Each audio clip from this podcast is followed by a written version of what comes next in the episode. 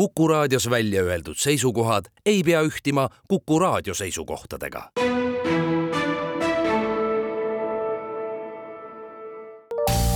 terviseks.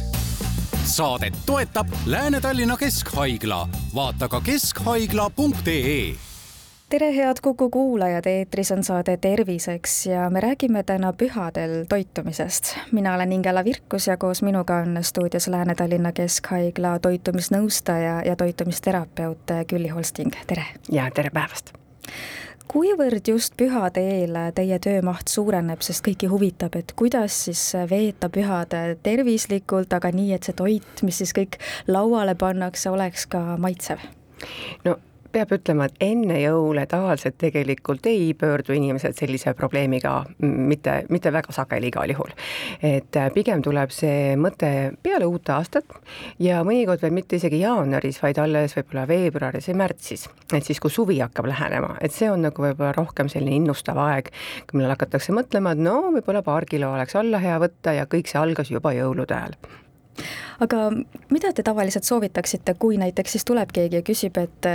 et mida panna lauale, kui ma tahaks, et see toit seal oleks tervislik ja hea, et ei oleks võib-olla selline tavapärane klassikaline verivorst, hapukapsas, kas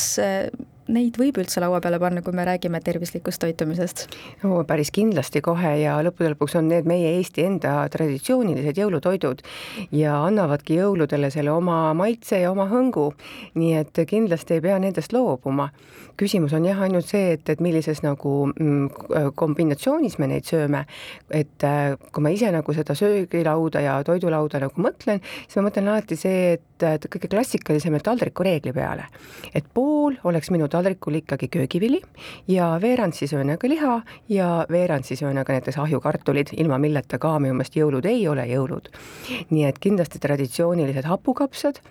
Neid saab ka teha võib-olla veidi väiksema rasvakogusega ja ilma võib-olla sealihata,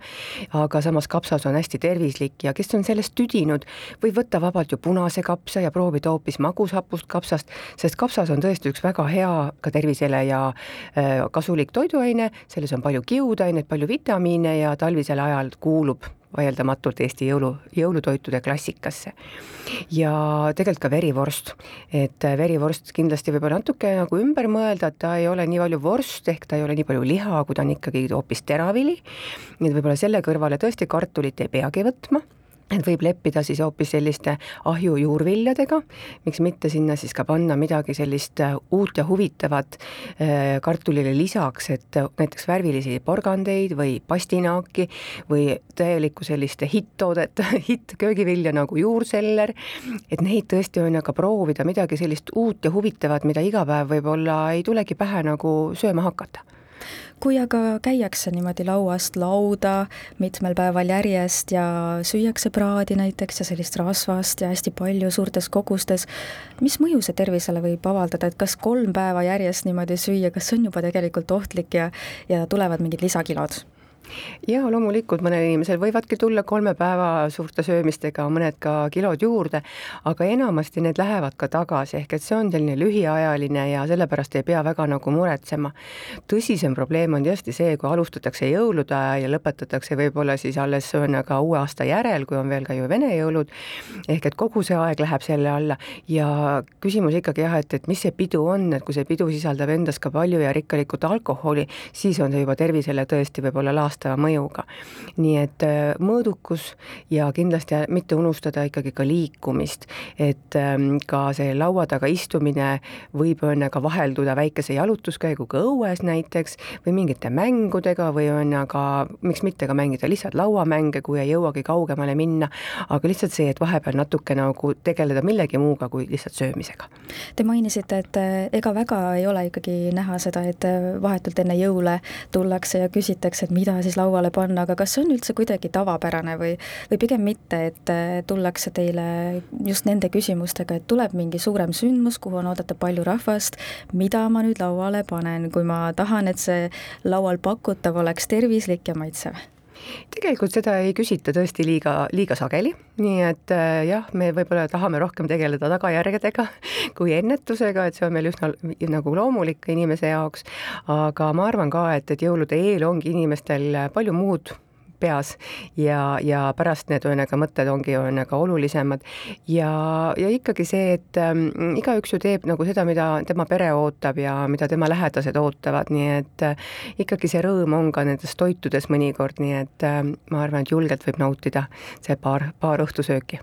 mida te neile soovitaksite, kes hoiavad nüüd, võib-olla kuulavad meie saadet ja hoiavad kahe käega peast kinni, mõtlevad appi, mul on lapselapsed veganid, et äh, liha ei äh, sööda ja seda ei sööda, et mida ma nüüd lauale panen või mida ma nüüd teen või kellelgi on äkki toidutalumatus mm? -hmm. no kõige tähtsam on jah, nagu olla teadlik, et mida täpselt siis ei tohi kasutada näiteks, on ju, ka, ka muna, eks ole, ei sobi vegan toitudesse või piimatooted ei sobi vegan toitudesse, et siis jah, nagu kõige parem on sellesama inimese käest käest, kes külla oodata, tema enda käest ju küsida, et mida ta siis ühesõnaga arvab, et talle kasulik ja hea oleks.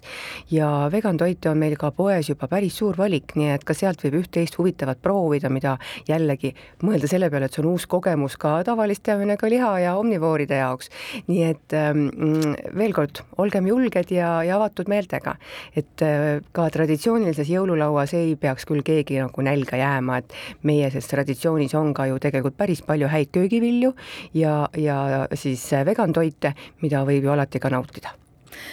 kellelt äh, oleks kõige õigem nõu küsida, et äh, kui tõesti tahaks konsulteerida, et äh, mida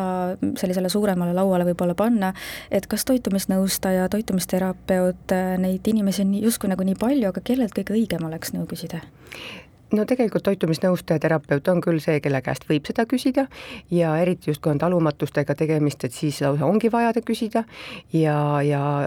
no toitumisnõustaja aitabki siis panna kokku selle menüü, et see mm, külaline, kellel on see mingi talumatus, saaks ka siis tõesti nautida ja saaks osa nagu kõigist nendest toitudest. et seal on jah, võib-olla selline teadmine tõesti väga-väga nagu tänuväärne.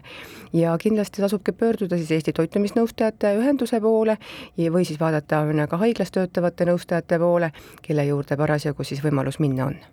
me oleme rääkinud nüüd äh, toidu talumatusest, aga mis vahe on näiteks äh, toiduallergial ja toidu talumatusel? allergiareaktsioonid tekivad äh, alati kiiresti, no mitte väga kiiresti, mõnikord natuke ka aeglasemad, aga siiski ühesõnaga lähema kaheksa tunni jooksul tavaliselt on midagi kohe märgata. nii et mõni allergik, pannes suhu allergiat tekitavat toitu, saab kohe aru, ta suu hakkab sügelema, ta hakkab köhima, tal hakkab nina jooksma, silmad jooksma, ehk et see reaktsioon on üsna vahetu, et allergia selline reaktsioon võib tulla üsna hilja, võib-olla isegi paari päeva pärast ja seda sellepärast ongi raske kas seostada mingi konkreetse näiteks toiduga. nii et ta on sellepärast palju keerulisem. aga muidugi, kui me räägime siin nagu gluteenitalumatusest ehk siis tsöliaakiast või siis laktoositalumatusest ehk piimasuhkru talumatusest, siis äh, neid saab ka edukalt diagnoosida ka, ka perearsti juures kuidas siis käituma peaks, kui äh, kellelgi näiteks ootamatult äh, tekib mingi äh, allergiline reaktsioon või toidutalumatuse sümptom seal jõululaua taga, et